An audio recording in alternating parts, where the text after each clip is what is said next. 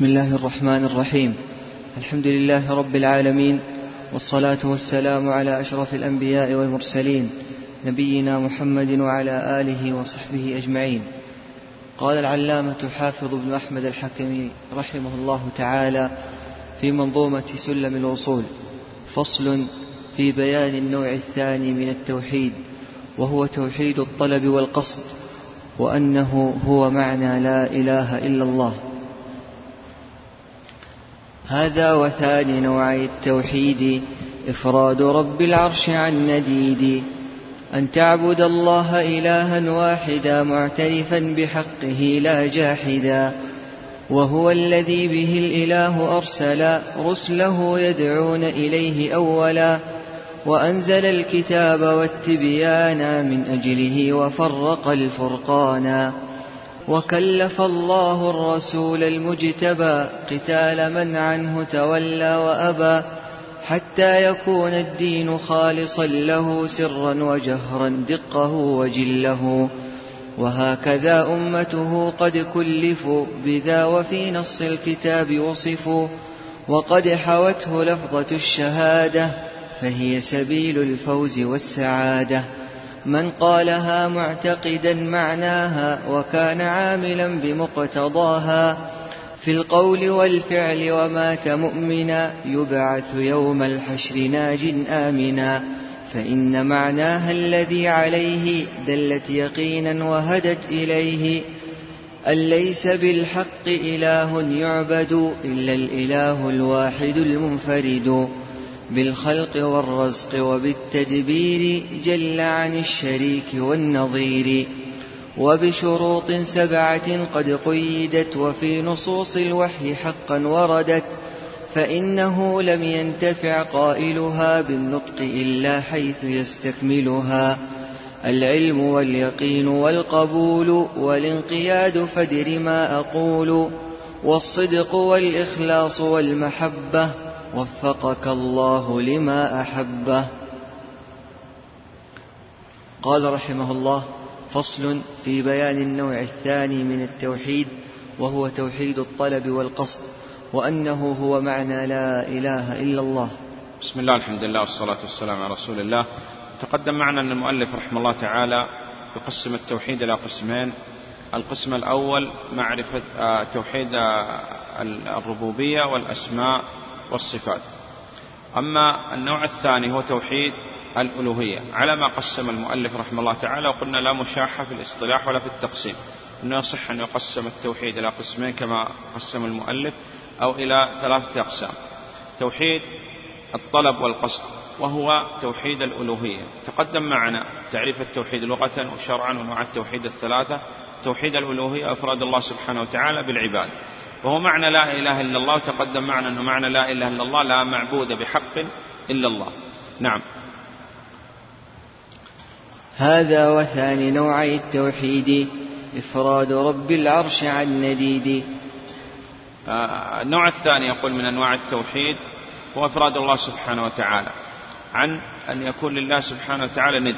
فلا تجعلوا لله أندادا شبهاء ونظراء مثلا. تصرفون لهم ما لا يصرف إلا لله من العبادة والدعاء والذبح والنذر وغيره.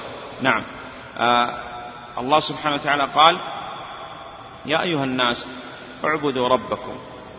اعبدوا ربكم. قلنا هذه الآية فيها أول نداء وأول أمر وأول نهي وجاء فيها النهي عن الشرك وهذا فيه دليل على أهمية التوحيد وخطر الشرك. فلا تجعلوا لله أندادا أي شبهاء ونظراء مثلا وأنتم تعلمون أن الله سبحانه وتعالى هو المنفرد بالربوبية يجب أن يفرد بالألوهية. نعم. أن تعبد الله إلها واحدا معترفا بحقه لا جاحدا. أن تعبد الله لا غير. معترف معترفا بحقه لأن الله سبحانه وتعالى إذا كان هو الخالق فهو المستحق للعباد نعم. وهذا كثير في القرآن. وأن الله سبحانه وتعالى أنكر الكفار الذين بعث فيهم النبي عليه الصلاة والسلام بأنهم أقروا بتوحيد الربوبية ولم يقروا بتوحيد الألوهية. وهذا التوحيد هو الذي أرسل الله سبحانه وتعالى الرسل من أجله وأنزل الكتب وكانت الخصومة بين النبي عليه الصلاة والسلام بين الكفار الذين بعث فيهم في هذا التوحيد. ولا أنتم عابدون ما أعبد ولا أنا عابد ما عبدت. نعم. وهو الذي به الإله أرسل رسله يدعون إليه أولا. ولقد بعثنا في كل أمة رسولا. ما هذا البعث؟ أن اعبدوا الله أي وحدوا الله. واجتنبوا الطاغوت. نعم. وأنزل الكتاب والتبيان من أجله وفرق الفرقان. ولا أنتم عابدون ما أعبد وأنا عابد ما عبدتم. وهذا به حصلت الخصومة بين النبي صلى الله عليه وسلم وبين الكفار الذين بعث فيهم. نعم. وكلف الله الرسول المجتبى قتال من عنه تولى وأبى. وهذا فيه أن من لم يقر بتوحيد الألوهية فهو كافر. وأن الكفار الذين بعث فيهم النبي صلى الله عليه وسلم أقروا بتوحيد الربوبية ولم يدخلهم هذا في الإسلام. وقاتلهم النبي عليه الصلاة والسلام حتى يفرد الله سبحانه وتعالى بأنواع التوحيد الثلاثة. نعم. حتى يكون الدين خالصا له سرا وجهرا دقه وجله. وهكذا أمته قد كلفوا بذا وفي نص الكتاب وصفوا. وقد حوته لفظة الشهادة فهي سبيل الفوز والسعادة. لأننا نقول أن معنى لا إله إلا الله لا معبود بحق إلا الله. ولو قال قائل أن هل معنى هذا أن معنى الشهادة فيها توحيد الألوهية فقط؟ نقول لا. توحيد الألوهية ما يمكن يكون إلا بإثبات الربوبية والأسماء والصفات. وعندما نقول في معنى لا إله إلا الله لا معبود بحق إلا الله معنى هذا نثبت أنواع التوحيد الثلاثة لله سبحانه وتعالى بالشهادة. نعم. من قالها معتقدا معناها وكان عاملا بمقتضاها. في القول والفعل ومات مؤمنا يبعث يوم الحشر ناج آمنا. إذا لابد في لا إله إلا الله من قول وعمل واعتقاد وإلا لا تنفع لأن المنافق نسأل الله السلامة والعافية. يقول لا إله إلا الله بلسان ولكن يعتقد خلاف هذا بقلبه فهي لا تنفع. ولا بد في لا إله إلا الله من شروط. وأن مفتاح الجنة لا إله إلا الله لكن المفتاح لا يفتح إلا بأسنان وناسب أن المؤلف رحمه الله تعالى يذكر شروط لا إله إلا الله. نعم. فإن معناها الذي عليه دلت يقينا وهدت إليه. أن ليس بالحق إله يعبد إلا الإله الواحد المنفرد. بالخلق والرزق وبالتدبير جل عن الشريك والنظير. بل أن الله سبحانه وتعالى قال هو المنفرد بالخلق والملك والتدبير وإذا كان هو الخالق فهو المستحق للعباد. لا معبود بحق. لماذا قلنا لا معبود بحق؟ لأننا عندما نقول لا معبود بحق هذا معناه أننا نكفر بجميع ما يعبد من دون الله. كأن المؤلف رحمه الله تعالى أرشد إلى الشروط الشروط السبعة في في شروط لا إله إلا الله. والشرط الثامن هو مذكور هنا عندما قال أنه ليس بالحق إله يعبد. وعندما نقول لا معبود بحق هذا فيه أننا نكفر بجميع ما يعبد من دون الله. ولأن هناك من العلماء من ذكر أن الشروط ثمانية يضاف إليها شرط ثامن وهو الكفر بما يعبد من دون الله. وهذا الشرط قد ذكره المؤلف رحمه الله تعالى. نعم.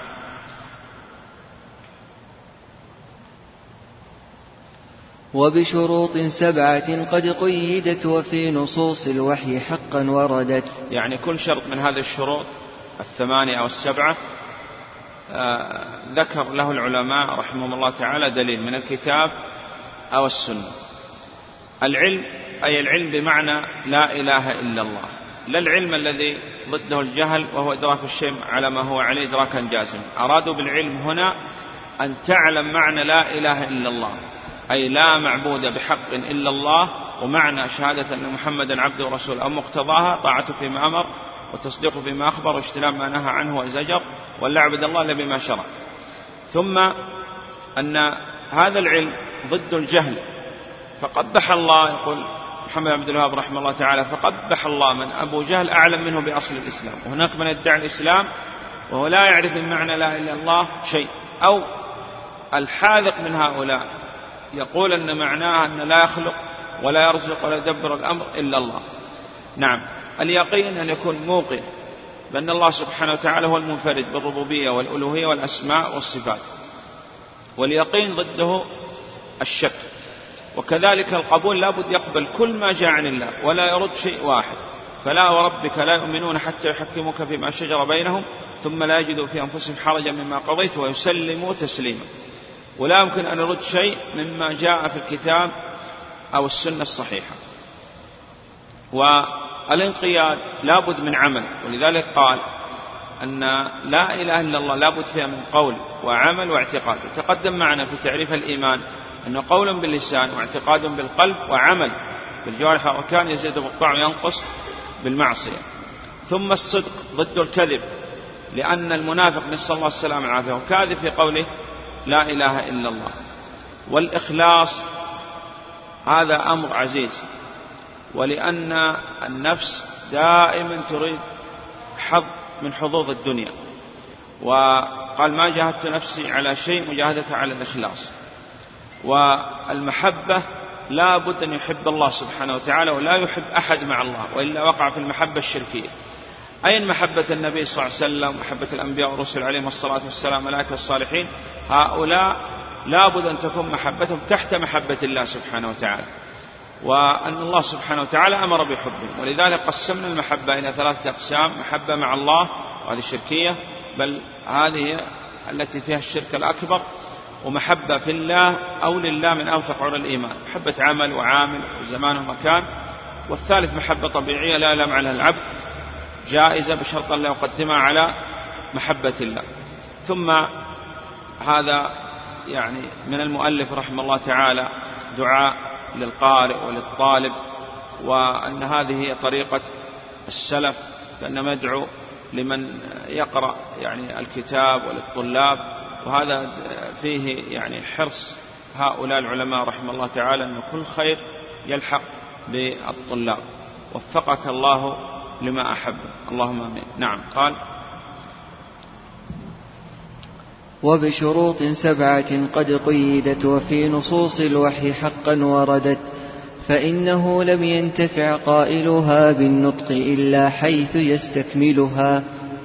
العلم واليقين والقبول والانقياد فدر ما أقول. والصدق والإخلاص والمحبة وفقك الله لما أحبه.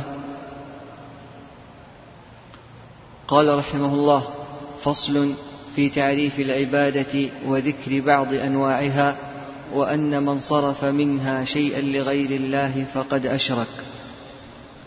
ثم العبادة هي اسم جامع لكل ما يرضى الإله السامع. وفي الحديث مخها الدعاء خوف توكل كذا الرجاء. ورغبة ورهبة خشوع وخشية إنابة خضوع.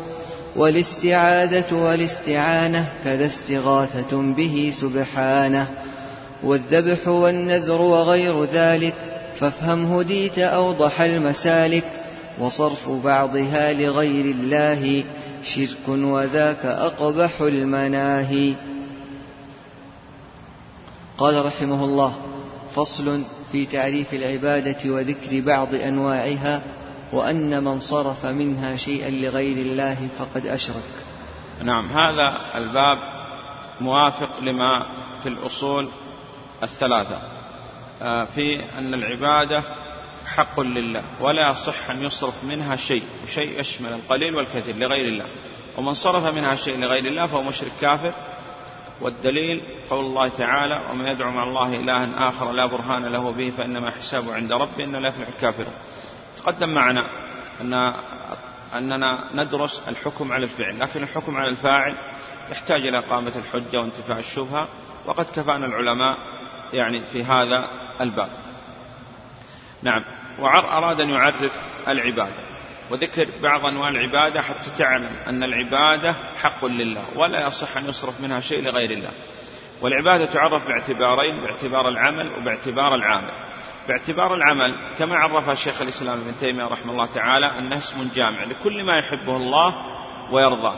من الأقوال والأعمال. الظاهرة كالصلاة والباطنة كالخوف والرجاء والتوكل. نعم.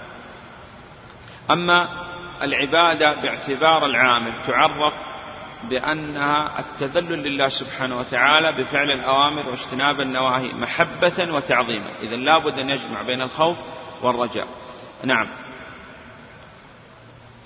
ثم العبادة هي اسم جامع لكل ما يرضى الإله السامع وفي الحديث مخها الدعاء خوف توكل كذا الرجاء آه، آه، الدعاء مخ العبادة حديث ضعيف. ويغني عنه قول النبي عليه الصلاة والسلام الدعاء هو العبادة وقول الله سبحانه وتعالى وقال ربكم ادعوني أستجب لكم إن الذين يستكبرون عن عبادتي ولم يقل عن دعائي هذا فيه أن الدعاء هو العبادة. والدعاء ينقسم إلى قسمين. دعاء عبادة ودعاء مسألة. دعاء بلسان الحال ودعاء بلسان المقال. دعاء بلسان الحال هو دعاء العبادة صرف لغير الله شرك أكبر كمن صلى وصام وحج لغير الله. ودعاء المسألة هو دعاء بلسان المقال. ينقسم إلى قسمين. فيما لا يقدر عليه إلا الله صرفه لغير الله شرك أكبر كطلب الولد والرزق من النبي عليه الصلاة والسلام بعد موته. وفيما يقدر عليه المخلوق يصح بأربعة شروط أن يكون حي وحاضر وقادر وسبب. وذكرنا فيما تقدم أن مثل يعني مثل باب الدعاء الاستعانة والاستعاذة والاستغاثة والشفاعة يصح أن تطلب من المخلوق فيما يقدر عليه بأربعة شروط أن يكون حي لا ميت وحاضر لا غائب وقادر لا عاجز واعتقد أنه سبب ما لو خرج به ما لو اعتقد أن لهذا تصرف خفيف الكون أو بيده جلب المنافع ودفع المضار قال الخوف. الخوف أراد بالخوف هنا خوف العبادة والتعظيم والسر. صرف لغير الله شرك أكبر.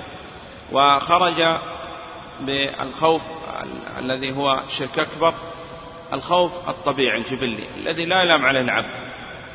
الخوف من اللصوص والنار وقطاع الطريق والخوف من السباع مثلا.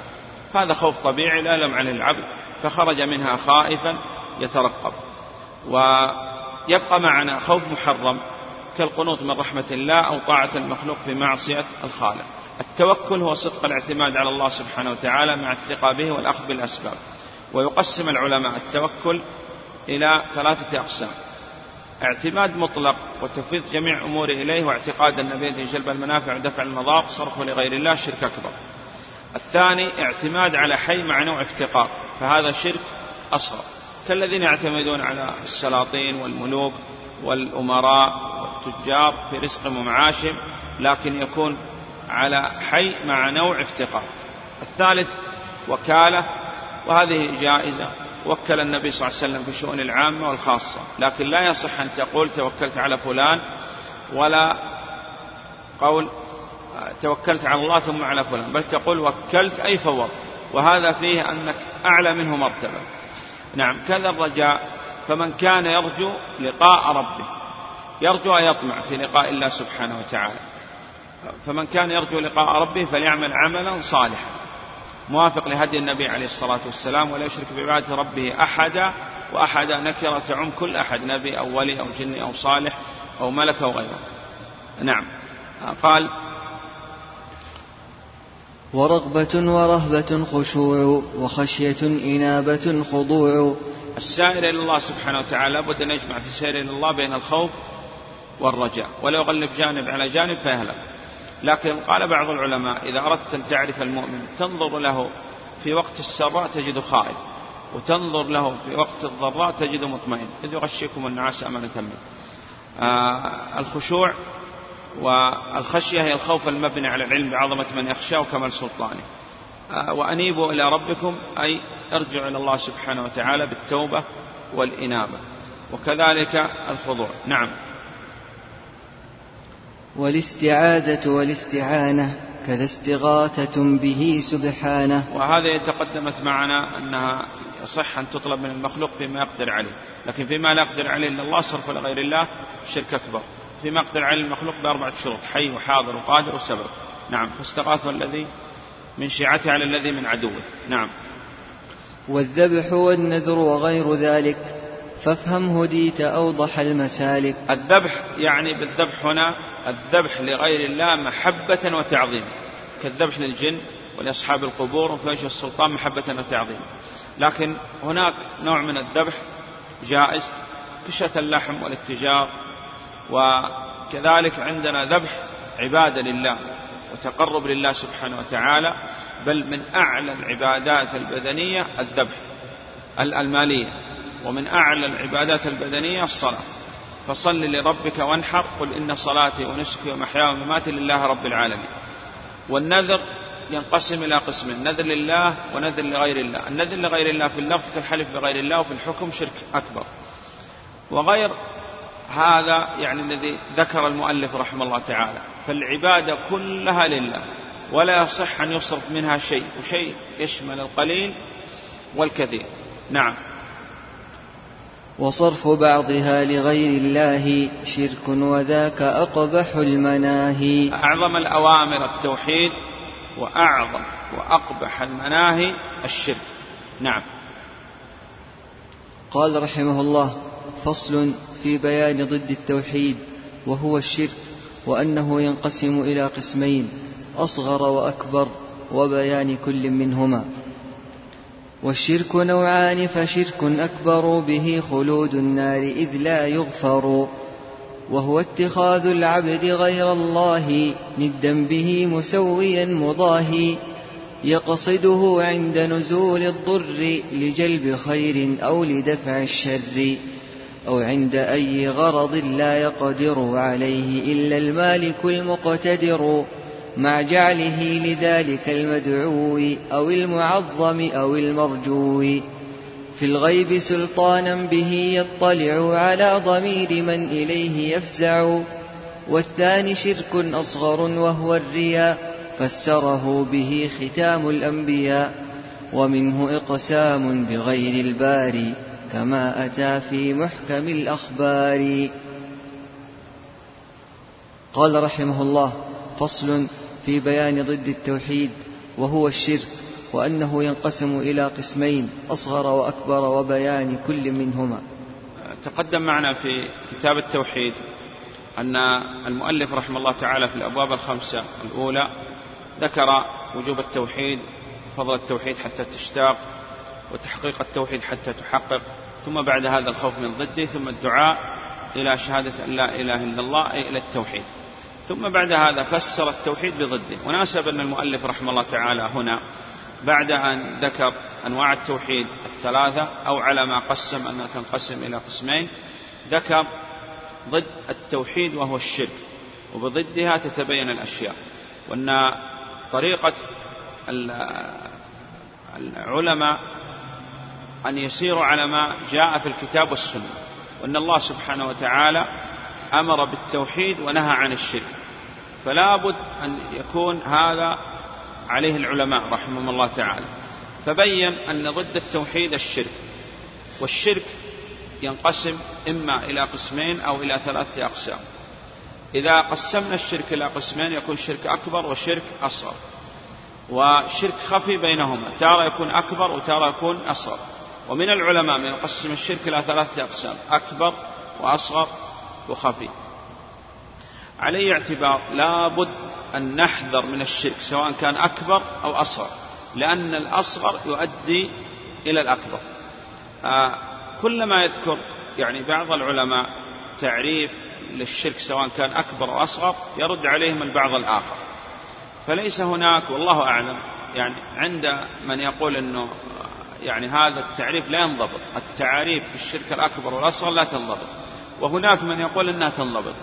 فعلى القول أنه تعريف الشرك الأصغر والأكبر لا ينضبط لا نستطيع أننا نفرق بين الشرك الأكبر والأصغر. أن الأكبر آه، محبط لكل الأعمال والأصغر محبط للعمل الخاص. الأكبر صاحب نسأل الله السلامة والعافية مخلد خلود أبدي في النار والأصغر غير مخلد خلود أبدي في النار. يعذب بقدر شركه ثم يدخل الجنة. مبيح للدم والمال أي الأكبر لكن من السلطان والأصغر غير مبيح للدم والمال. كل من اعتقد أن لهذا تصرف خفي في الكون أو بيد جلب المنافع أو دفع المضار فهذا أكبر. كل من اعتقد وجعل ما لم يجعل الله سبحانه وتعالى سبب سبب فهذا شرك أصغر. كل ما كان وسيلة للأكبر فهو أصغر. كل ما أطلق الشرع عليه أنه شرك أو كفر ولم يعرف بألف الأصل أنه أصغر وإذا عرف بألف فهو أكبر. كما قال النبي عليه الصلاة والسلام بين الرجل وبين الشرك والكفر هذا أكبر. اثنتان في الناس هما بهم كفر فهذا أصغر.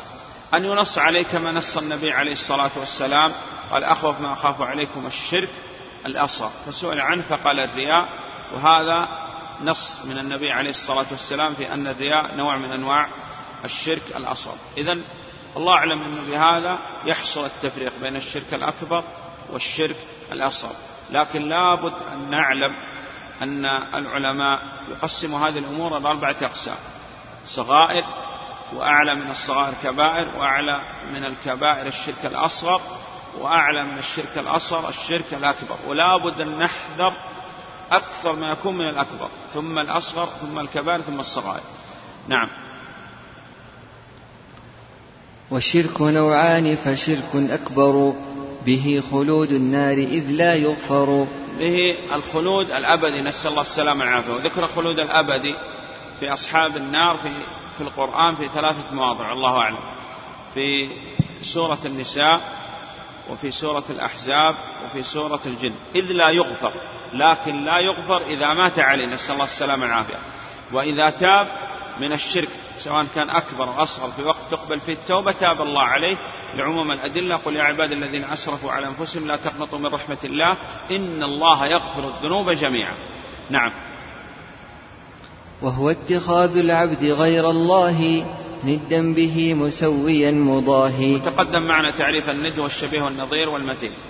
تالله إن كنا لفي ضلال مبين إذ نسويكم برب العالمين. قال ابن القيم رحمه الله تعالى أنهم يعني اعتقدوا أن الله سبحانه وتعالى هو الخالق والرازق والمحيي والمميت والمدبر. وكانوا يعتقدوا أن هذه الآلهة لا تخلق ولا تدبر ولا ترزق لكن جعلوها مساوية لله سبحانه وتعالى في المحبة وصرفوا لهذه الآلهة شيء من العبادة. مع أن الكفار الذين بعث فيهم النبي صلى الله عليه وسلم كان عندهم شيء من العبادة لله لكن قاتلهم النبي صلى الله عليه وسلم واستحل دماءهم وأموالهم وسبى ذراريهم بأنهم لم يصرفوا التوحيد كله أي الألوهية لله سبحانه وتعالى وكان كانت الخصومة على ما ذكرنا في توحيد الألوهية. نعم. يقصده عند نزول الضر لجلب خير أو لدفع الشر. هذا كان حال الكفار الذين بعث فيهم النبي صلى الله عليه وسلم أنهم كانوا يخلصون في الضراء ويشركون في السراء. لكن مشركين زمان نسأل الله السلامة والعافية شركهم دائم في السراء والضراء. أما يجيب المضطر إذا دعا. فإذا كان هؤلاء الكفار الذين بعث فيهم النبي صلى الله عليه وسلم عرفوا أنه لا يخلصهم مما نزل بهم في الضراء إلا الله سبحانه وتعالى وذلك يدعون مخلصين له الدين.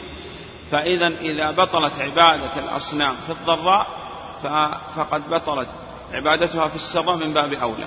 نعم لجلب الخير أو لدفع الشر. وهذا ذكرناه في تعريف في الضابط والتفريق بين الشرك الأكبر والأصغر أن إذا اعتقد أن لهذا تصرف خوف الكون أو بيده جلب المنافع أو دفع المضار. يقصد والله سبحانه وتعالى هو الصمد أي الذي يقصد عند الحوائج لا غيره. نعم. أو عند أي غرض لا يقدر عليه إلا المالك المقتدر. نعم فيما لا يقدر عليه إلا الله. نعم. مع جعله لذلك المدعو أو المعظم أو المرجو. في الغيب سلطانا به يطلع على ضمير من إليه يفزع. وهذا يعني ذكرنا شيء منه في الخوف من خوف عبادة وتعظيم وسر. وأنهم يعني قد دعوا في بعض الناس أنه يعلم السر وأخفى. وهذا لا يمكن يصرف لغير الله وصرف لغير الله شرك أكبر. نعم. والثاني شرك أصغر وهو الرياء فسره به ختام الأنبياء. آه القسم الثاني من الشرك هو الشرك الأصغر. وذكرنا الفرق بين الشرك الأكبر والشرك الأصغر. ومنه الرياء كما قال النبي عليه الصلاة والسلام أخوف ما أخاف عليكم الشرك الأصغر فسئل عنه فقال الرياء. والرياء آه، يعني ذكر الرياء على وجه التغليب وإلا هو الرياء والسمعة. ومن رأى رأى الله به ومن سمع سمع الله به. من أخلاق المنافق يراءون الناس ولا يذكرون الله إلا قليلا. والرياء الأصل فيه أنه شرك أصغر وقد يصل إلى الشرك الأكبر. وأقسام الرياء ثلاثة أن يكون الرياء في أصل العبادة فالعبادة باطلة. أن يطرأ الرياء بعد الفراغ والانتهاء من العبادة فهذا لا يؤثر على العبادة شيئا إلا إذا كان في عدوان كالمن والأذى في الصدقة. وأن يكون الرياء في وسط العبادة أي طارئ فالعبادة هنا تنقسم إلى قسمين. آه، هنا إما أن يدافع أو يسترسل إن دافع فالعبادة صحيحة وإذا استرسل تنقسم إلى قسمين. أن تكون العبادة متصلة فالعبادة باطلة وأن تكون العبادة منفصلة فالأول صحيح الذي ليس فيه رياء والثاني الذي فيه رياء فهو باطل. عليه اعتبار أن علاج الرياء أولا تعظيم الله سبحانه وتعالى لأن الإنسان إذا عظم الله لا يبالي في دين الله أحد. الثاني دعاء الله سبحانه وتعالى أن يجنب الرياء. فنسأل المنان أن يجيرنا من الرياء مضاعفا أجورنا. وكذلك زيارة القبور وعدم ترك العمل خوفا من الرياء لأن الشيطان إما أن يوقعك في باب الرياء أو يوقعك في باب الخوف من غير الله. نعم. ومنه إقسام بغير الباري كما أتى في محكم الأخبار. من حلف بغير الله فقد كفر أو أشرك. وذكرنا قاعدة لشيخ الإسلام ابن تيمية رحمه الله تعالى أن كل ما أطلق الشرع عليه أنه شرك وكفر ولم يعرف بألف فالأصل أنه أصغر. ومنه يعني المؤلف رحمه الله تعالى لم يذكر أنواع الشرك الأصغر وذكر لك مثال وبهذا يعني تستطيع أن تعرف الشرك الأصغر من الشرك الأكبر وكذلك من الكبائر والصغائر ومنه الحلف بغير الله. لكن هذا الأصل أن الحلف بغير الله هو الشرك الأصغر. لكن قد يصل إلى أن يكون نوع من أنواع الشرك الأكبر. والله أعلم وصلى الله على محمد وآله وصحبه وسلم.